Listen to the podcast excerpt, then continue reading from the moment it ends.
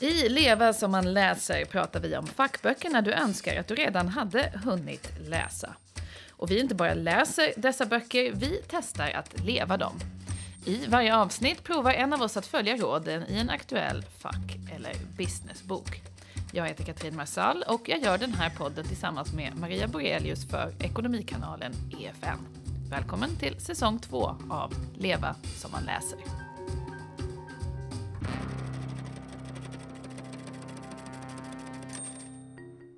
Techföretaget Uber gjorde det möjligt att beställa en bil som skjutsade dig vart du ville via en app. Därigenom förstörde Uber också stora delar av taxiindustrin och skapade den moderna gig-ekonomin. Det här var också ett företag som spenderade 25 miljoner dollar på bara en personalfest och som slutligen 2017 blev symbolen för allt som var fel med techbranschen.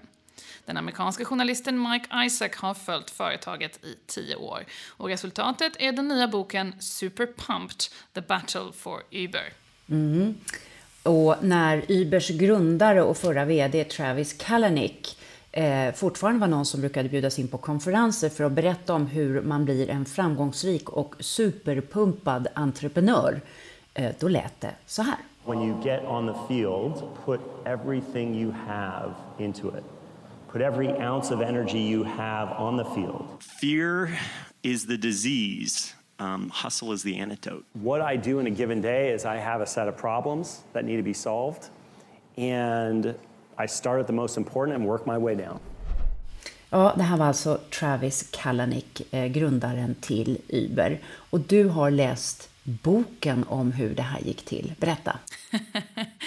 ja, precis. Och han eh, verkar ju vara om man läser boken ungefär som han låter i det här klippet. Fear is the disease, hustle is the antidote. Han gillar att prata mycket om hustle, alltså den här eh, det är ett av hans favoritord, idén om att ja, jobba oerhört hårt och hela tiden för att nå sitt mål och aldrig ge upp och då blir man framgångsrik. En slags kultur av eh, det här. Det är mycket den typen av macho-grejer. Och eh, Iber följer också i hög grad på sin egen macho, interna machokultur. Och det är det här som, som skildras av den här amerikanska journalisten som har haft väldigt bra, god tillgång och följt företaget väldigt länge. Och det är en ganska klassisk berättelse om uppgång, Företaget grundas, blir väldigt, väldigt snabbt en så kallad enhörning, alltså värderad till över en miljard dollar, revolutionerar transportbranschen i väldigt många länder. Det går otroligt bra, ja, tills det inte längre gör det, skandaler efter skandaler efter skandaler och det slutar med att då Travis Kalanick tvingas bort och boken slutar på ett ganska klassiskt sätt med någon slags sista konfrontation mellan journalisten som då har följt företaget i tio år och Travis Kalanick på väg in i rätten. Så det är en bok som man kan tänka sig bli film. Jag vet inte om du har sett Wolf of Wall Street, den här typen av mm. lite, men, moralistiska, i god mening skulle jag säga, berättelser om Wall Streets excesser. Och det här är en, man skulle kunna göra en film av det här ungefär, Wolf on Tech Street, för det är en liknande saga. Mm. Och vi har ju alla följt Ubers framväxt. Jag kommer precis hem från New York och eh, jag bodde ju där på 80-talet eh, och det var ju alltid en armada av de här gula, lite nedsuttna bilarna som körde på gatorna. Det var ofta ett instegsjobb, taxichaufförsjobbet för nya immigranter. Alla som har varit i New York kan berätta om någon rysk professor i eh, kärnfysik man har åkt med någon sen natt hem från någonstans. Och jag ser också många unga tjejer idag använder Uber om man är ute en kväll och inte vågar åka eh, med offentliga eh, transportmedel som en säkerhetsgrej. Men det här har ju då kommit till ett väldigt pris. Och det verkar som liksom att, att, så att säga, filosofin bakom här, den här superpumpade ideologin eh, handlade om att pumpa upp sig själv och företaget bortom både lagen och det som var rimligt. Va, vad är det här för, för, för typ av filosofi och bok? Och vad, vad, vad var det han stod för egentligen, den här Kalanick? Ja, men Travis Kalanick, alltså superpumped, superpumpad som då är titeln på boken, det är hans devis för hur man ska vara om man ska jobba på Uber och för, rent allmänt för hur man ska bli framgångsrik som entreprenör och företagsledare. Och det är ett begrepp för att ha liksom jättemycket energi och aldrig ge upp och hela tiden köra jättehårt och in i kaklet och ingenting ska stå mellan mig och mitt mål och ho, ho, ho, ho. Väldigt macho som du kan höra. Och det är också den där kulturen som Uber faller på. 2017 är ju det här, Uber var ju extremt hyllat som företag, som techföretag. Det här var väldigt innovativt, det kom med massa fördelar för konsumenterna. Och det här är också Travis Kalaniks idé, att du måste vara så älskad av konsumenterna att det är okej okay att bryta mot reglerna och ta alla de här politiska konflikterna som Uber fick ta mot fackföreningsrörelsen och mot reglerna för taxiverksamhet i, i många städer. Um, konsumenterna älskade i väldigt hög grad Uber, men sen föll man på, ja 2017 var ett totalt skitår för Uber där man Först anklagades för att ha en företagskultur där sexuella övergrepp och sexism var helt institutionaliserat. Det kan man naturligtvis tänka sig i den här superpumpade miljön. Det var ett blogginlägg av en tidigare anställd som spreds över internet i samband med metoo som då avslöjade det här. Man förlorade 400 000 kunder på även bara några dagar och veckor när folk i protest mot Uber och hur Uber fungerade som företag eh, startade hashtaggen då delete Uber på, på internet. Ehm, deras egna investerare kritiserade den här förfärliga företagskulturen. Man låg i domstol anklagad för att ha stulit teknologi till sina självkörande bilar som då var en gren av företaget. Samtidigt förlorade man en miljard dollar på sina försök att bli stora i Kina som inte gick särskilt bra den här vdn och grundaren Travis Kalanick som är huvudperson i boken, han fångades på film. Jag vet inte om du minns det här när han skäller ut en Uber-förare för att denne, den här personen klagar på sina arbetsvillkor. Och ja, allt det här, det här året, 2017, slutar med att Travis Kalanick tvingas bort och att Uber på något sätt står kvar. För det här året, 2017, var ju också lite när det här vände. Att från att man har sett på techbranschen och även i media skildrat techbranschen som bara fantastisk och innovativ och underbar, eller kanske inte bara, men i huvudsak som ändå en god kraft som stod för innovation och det nya och någonting som vi behövde, så börjar ju techbolagen allt mer kritiseras och skildras som ondskefulla utsugare av data och eh, de som gjorde det möjligt för Donald Trump att vinna valet med hjälp av fejkade nyheter och så vidare. Hela den där debatten, den kom ju precis då och Uber var kanske det företag som mest av allt så att säga stod i det blåsvädret och fick symbolisera vad som var fel med, med techbranschen. Men är inte det där lite symptomatiskt? Jag tänker på tyske filosofen Hegel som pratar om tes, antites, syntes. Alltså först kommer tesen, techbranschen är den nya Klondike, här ska produktiviteten öka här ska produkter uppstå, tjänster som, som skapar eh, det, nya, det nya riket. Och så kommer liksom 180 grader superkritik, allt är dåligt, techbranschen är korrupt, alla som jobbar där är dåliga och nu håller vi hitta på, försöker hitta en slags balanserad syn. Hur ska vi styra och leva med techbranschen så att den tjänar människan? Och en motbild mot allt det här är, jag var faktiskt på ett Uber-bröllop i början. Vad är ett Uber-bröllop? Det är en släkting till mig som gifte sig med någon som jobbade på Uber. Och jag kan berätta för dig att så många trevliga, smarta, unga människor har jag, från liksom hela världen, har jag sällan träffat. Det var inga superpumpade, utan det var lite mer intellektuella indier, eh, någon kille från Luxemburg som var bra på matte. Alltså jag vet inte om, om, om de har en ny anställningsfilosofi nu eller om det här superpumpade inte har spritt sig i leden. Men det finns andra typer av anställda. Jag måste flagga, flagga för det. Men du, jag är lite förvånad att du valde den här boken för du är ju ingen Uber-kvinna, eller hur? Nej, jag tror faktiskt inte jag någonsin har åkt i en Uber. Det har inte varit något ideologiskt ställningstagande på det sättet. Men det är bara inte någonting som jag har använt. Jag har alltid tänkt att det där nog inte kommer med särskilt goda arbetsvillkor för de som jobbar. Och egentligen kanske inte läst på om det där heller utan bara helt enkelt valt att inte ladda ner den där appen. Så jag har väldigt lite erfarenhet, egen erfarenhet av just Uber. Men det var ändå väldigt spännande att läsa den här boken för det är ett, ett företag som på många sätt representerar, men ska man säga, någon slags techvåg mellan 2007 2017 liksom, eh, blev en av de stora och faller lite på, och det är det som gör den här historien intressant, de faller ju på det som har gjort dem framgångsrika. Alltså Uber blev framgångsrikt på att vara superpumped och på att strunta i reglerna. Det chockade mig när jag läste den här boken. Jag kom till den här boken utan att veta särskilt mycket om Uber. Men hur institutionaliserat den här idén var att vi lanserar Uber i en ny stad och vi bara struntar i reglerna och lagarna och jobbar för att konsumenterna ska tycka att vi är så bra och så viktiga att politikerna till slut tvingas ändra på lagarna och reglerna till att anpassa sig efter oss och vårt företag. Och det är klart att det där är en väldigt problematisk affärsmodell. Men den går ju i linje med, med någon slags Silicon Valleys mantra, i alla fall under den perioden, om att move fast and break things. Att innovationen är så viktig, det kommer komma bra saker ur det här som alla kommer att tjäna på. Vi måste krossa saker, vi måste förändra saker och sånt får man bara leva med. Så det är ju det är båda sidor av det där. Och onekligen har ju Uber tvingat fram innovation på taximarknaden. Men till exempel här i London, så innan Uber kunde man ju knappt betala med ett kort i Londons taxibilar. Och de har ju tvingats att eh, ja, förnya sig lite på grund av den här nya mm. konkurrensen. Mm.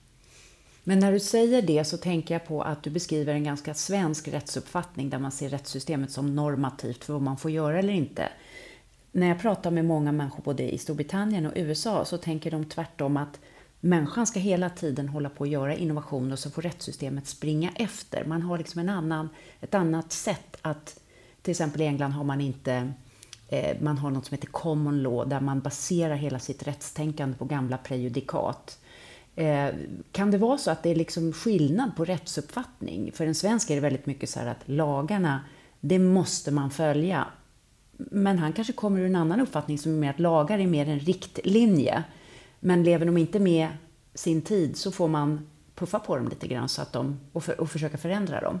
Ja, om man får tro den här boken så var det hela... Alltså för att nu försvara den superpumpade.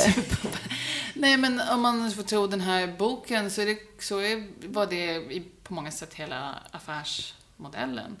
Um, ja. Ja, men du, Mike Isaac, som jag ser att det står på boken, som har skrivit, eh, vem är han?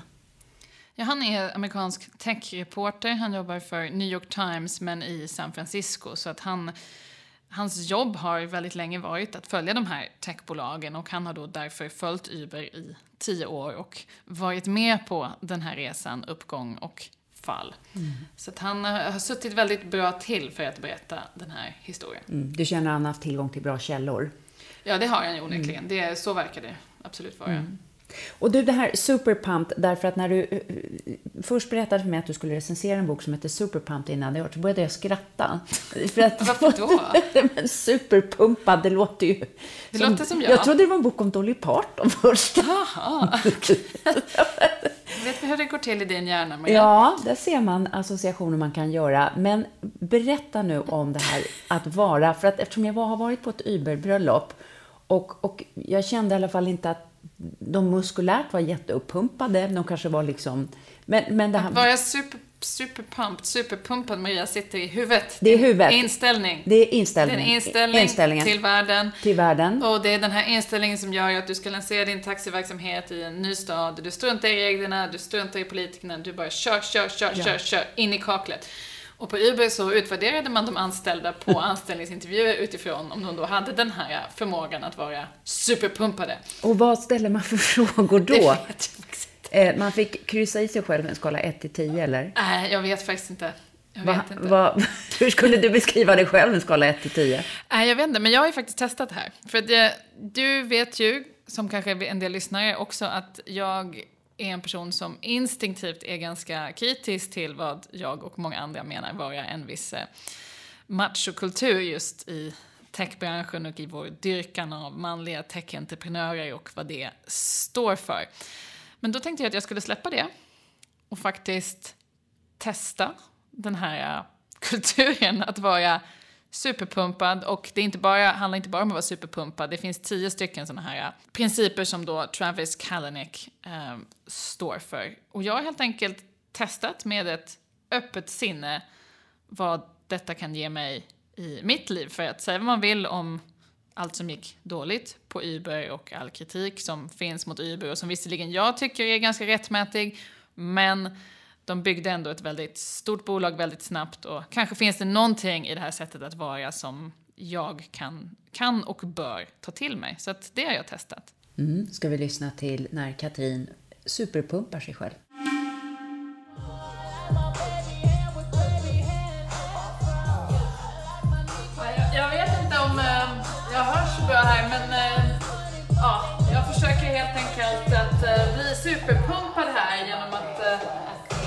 Runt till Beyoncé Las Vegas style för att få energi till en föreläsning som jag ska hålla. Så att jag, ja, det gäller att bli superpumpad. Det är, det är tur att ingen ser mig. Men vem vet, det kanske funkar. Kai, can I ask you something? Of course. Do you feel that you are super pumped? What the hell does that mean? super pumped. That you're full of energy, you're gonna go for it, you're gonna get it done, you're gonna.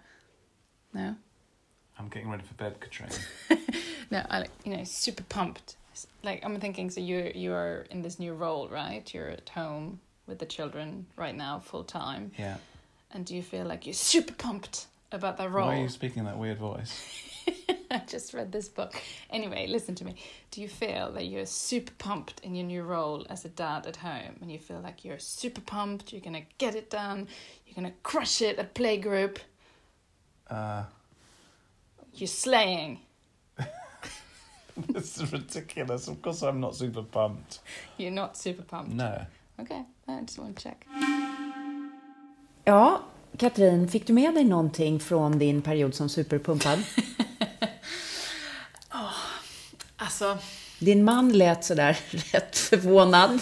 Ja, han är, Guy. han är lite för engelsk för att vara superpumpad ja, kan jag känna. Det är inte en engelsk grej att vara superpumpad. Jag tror inte det. Trots det har de en ganska, eller en väldigt eh, framgångsrik techsektor här i London. Jo, men de får mycket gjort, men det är liksom via en annan nerv på något sätt. Ja. ja. ja. Um, och sen är det mycket invandrare som arbetar i techsektorn mm. här i London också. Kanske man, kanske inte den, det är en väldigt internationell bransch här i alla fall. Nej, men alltså, det är klart att det är bra energi. Det är det väl. Ja. Um, och det är klart du prövade att... lite olika påser där. jag försökte testa det med Beyoncé då, som då var ju, ja, uh, viktig för Uber då på den här ökända personalfesten där hon uppträdde.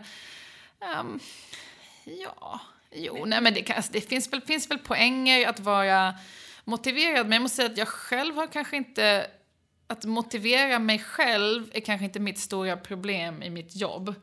Utan jag har liksom aldrig riktigt förstått det där att folk måste ha en massa motivationscoacher. Och, utan jag, jag är ganska motiverad att hålla på med det jag håller på med ändå. Det skulle jag säga att du är, ja. ja. Och, men du, vad, vad är det för skillnad på att vara en superpumpad person och bara vara en svensk, lutherskt, hårt arbetande, flitig myra? Som bara jobbar på och bara kör. Och bara kör. Ja. Är det någon skillnad? Är liksom vibb? Jo, men det är ju mindre så här 25 miljoners Las Vegas party-vibb över det. Alltså super, med superpumpad så finns ju också någonting i att det här alla ska bli miljonärer, alltså den grejen. Um, och att uh, en, kanske en större villighet att ta väldigt stora risker än vad den vanliga svenska hårt arbetande arbetsmyran kanske eh, gör.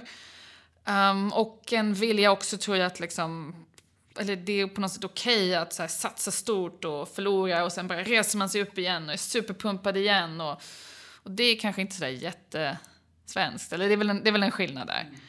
Um, Men det är väl en, en, sak som många svenska entreprenörer tycker är problematiskt i Sverige, att om man har misslyckats Därför att de, när man tittar på statistiken, de flesta företag lyckas för entreprenörer andra, tredje, fjärde gången. Det vill säga man måste få lära sig av misstagen. Så att det kan vara ganska bra att ha en kultur som i alla fall lite superpumpad så att man kan resa på sig och komma igen och inte känna att man är körd för resten av livet.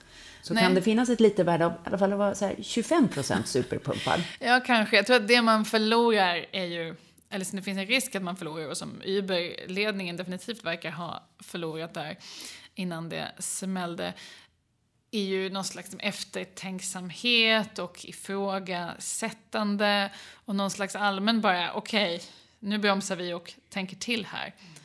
Ehm, och att bara på något sätt köra in i kaklet tills det säger stopp tror jag inte är en så bra affärsmodell. Men om man ändå ska tänka att den här Travis Kavalnick agerade liksom rationellt utifrån sin världsbild. Kan, kan man förstå honom på något sätt? Vad, vad driver honom enligt boken? Jo, nej men det, det är klart att han uppfattar sig själv på något sätt som han är i en existentiell kamp mot en korrupt taxiindustri som hålls i om ryggen av korrupta, halvkorrupta fackföreningsrörelser och politiker som då skyddar alltihopa och som då konsumenterna förlorar på. Och det bland annat han säger att liksom han använder inte krigsmetaforer men väl så här liksom metaforer från den politiska världen, alltså nästan som att han bedriver en politisk kampanj med Uber. Alltså the candidate is Uber and the opponent is an asshole named Taxi. Så den kandidaten som han då kämpar för är Uber och man ska då besegra en politisk motståndare som då är ja, taxibranschen som helhet.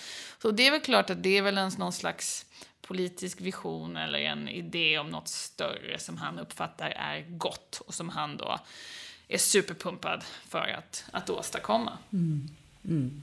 Och man, eh, jag tänker också på de här diskussionerna, man brukar ju prata om Josef Schumpeter, nationalekonomen, som pratade om den kreativa förstörelsen som finns inom marknadsekonomin. Och man har ofta, alltså att saker föds, men för att saker ska födas måste andra saker dö. Det, det skildras ju ofta med, av en sån här bild av Shiva, den här guden, hin, hin, hinduistiska guden, som dansar på både ett litet nyfött barn och en döende person. Liksom att den här livets cykel, kan, kan man se honom i ett slags sånt perspektiv att han är en extrem version av Schumpeters tankegångar om, om, om, om födelse och död?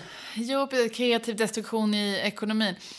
Ja, alltså det är klart, men alltså, man kan ju prata om Schumpeter och att det är vissa saker måste dö för att andra nya källor till tillväxt måste födas i ekonomin. Men då kvarstår någonstans frågan vilket ansvar som samhället i stort och politiken har för att inte stoppa den här kreativa förstörelsen men i alla fall se till att folk liksom inte dör av den. För det är ju, alltså delar av den här boken, det är ju liksom, vi pratar ju om mord, i, alltså förfärliga mord i, i Uber kopplat till Ubers verksamhet i Mexico City. Det måste du utveckla. Ja, precis. Nej, men alltså, de lanserade ju väldigt snabbt. Man skulle växa, växa, växa, växa supersnabbt och eh, lanserade sin modell i andra länder och andra kulturer. Och det här ledde till flera döda i Brasilien och Mexiko och så där man kunde, flera av dessa incidenter var det direkta resultatet av att Uber, eftersom man ville växa så himla snabbt, inte införde mekanismer för att bättre verifiera de som använde bilarna.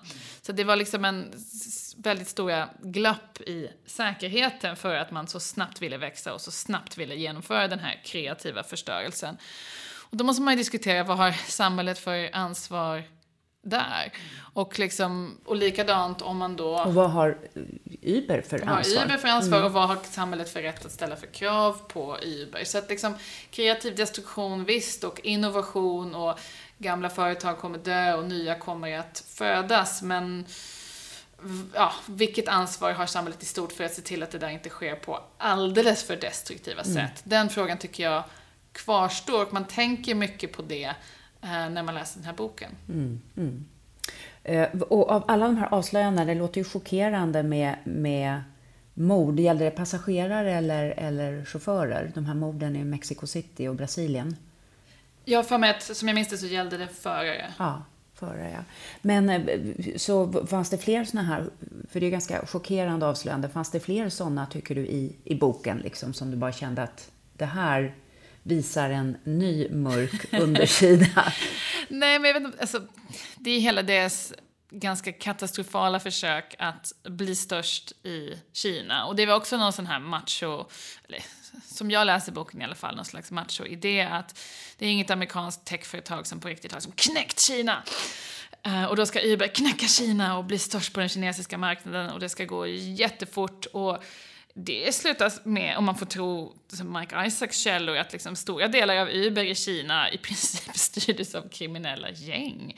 Har du hört talas om, det var en del i tidningen då, om så kallade Ghost Rides i Kina. Nej, jag har missat. Det var ju då att du var i Kina och så beställde du en Uber-bil och så klickar du på en bil och sen så ser du att föraren, istället för det här porträttfotot som föraren har, så är det liksom en bild på en zombie.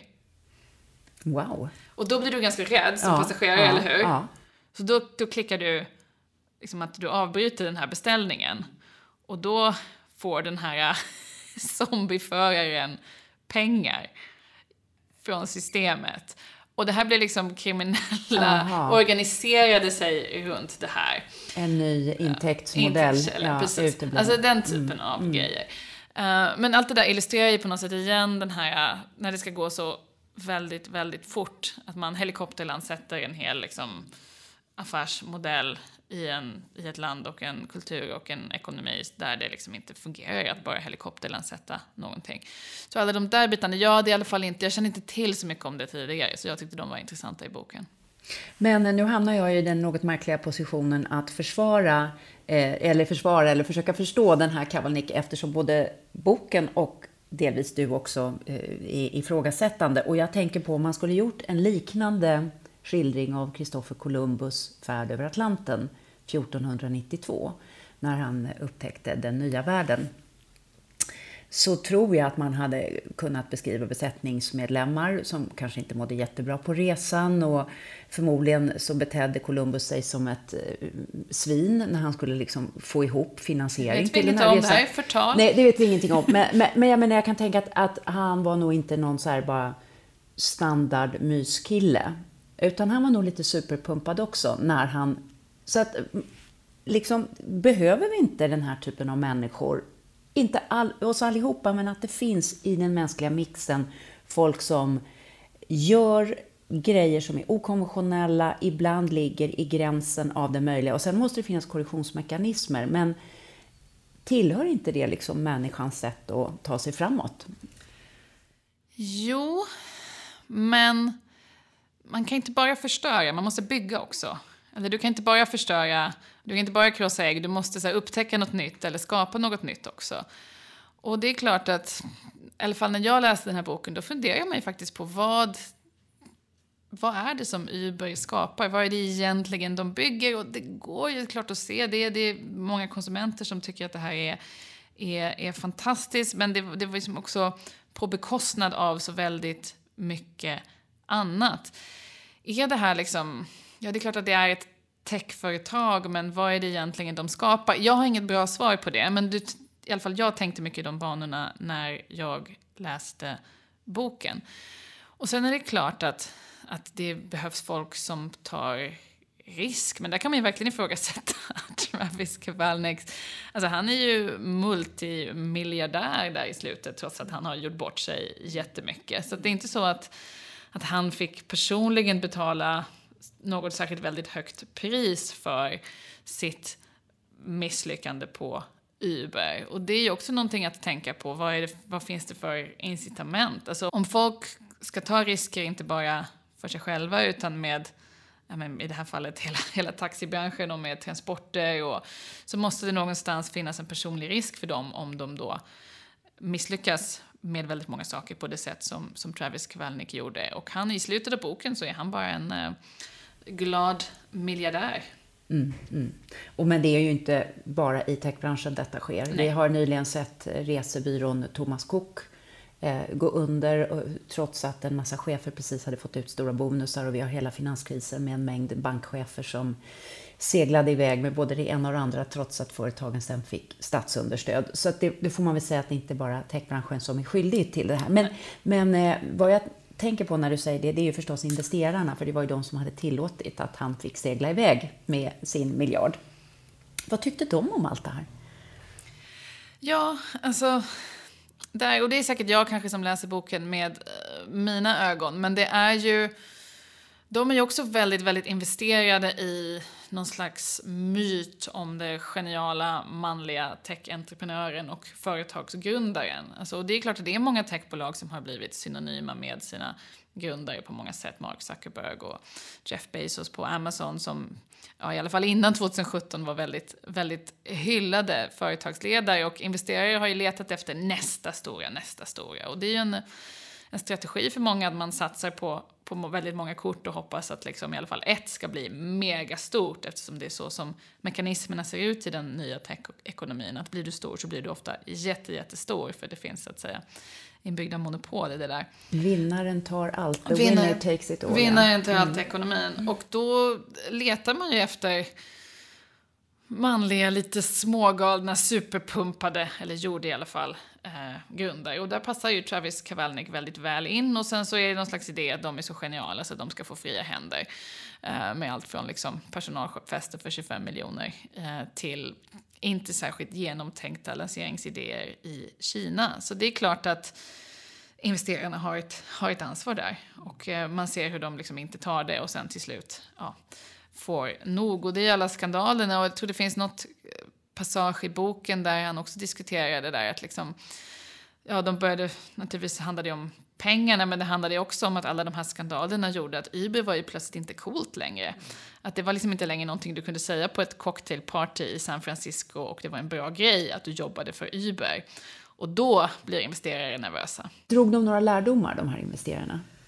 Det vet jag inte om det blir så jättetydligt i, i boken i alla fall. Men jag tror att den här myten finns ju fortfarande. Alltså jag har ju vänner som i extremt mycket mindre skala här i London försöker få kapital till sina startups och företag, eh, kvinnor då, som tycker det är väldigt, väldigt svårt eh, eftersom de just uppfattar att investerare letar efter en man med en idé som antingen kan gå helt åt pipsvängen eller bli störst i världen. Och att om man är kvinna med ett företag som redan går bra och som skulle kunna växa och nog på lång sikt bli ett liksom bra och stabilt företag, då är man inte intressant för att deras modeller bygger på något annat.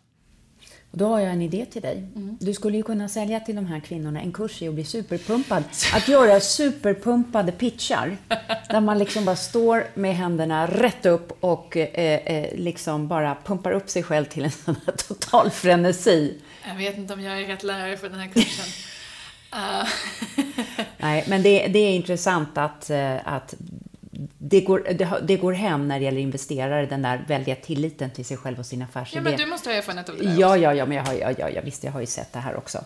Så att, ehm, medan den nyanserade, mer så att säga, verklighetsnära presentationen.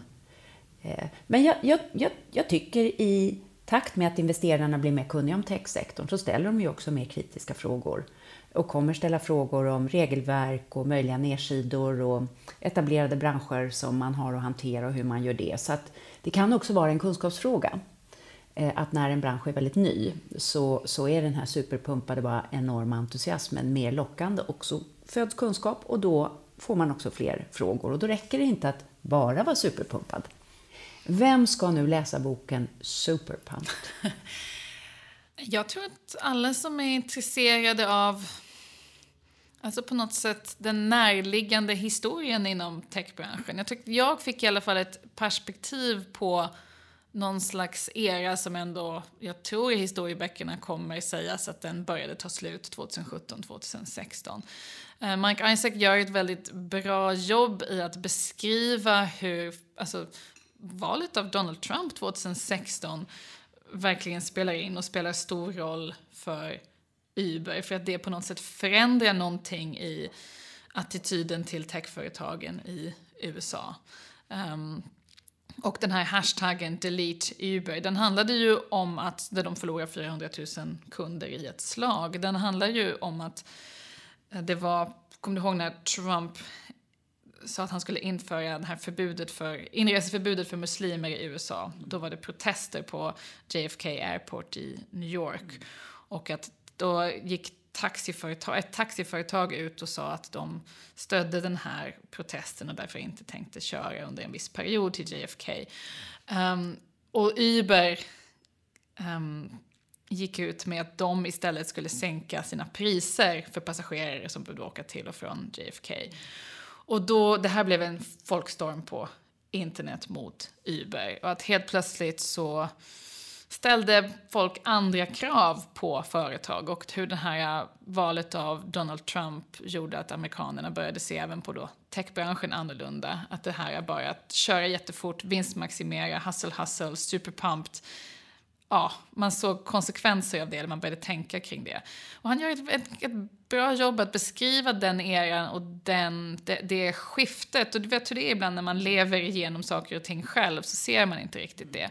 Men när jag läste den här boken så fick jag lite perspektiv på det. Så jag tror att alla som är intresserade av techbranschen, entreprenörskap eller bara vill ha liksom en, en bra story alla Wolf of Wall Street med liksom techmän som tafsar och spenderar miljoner.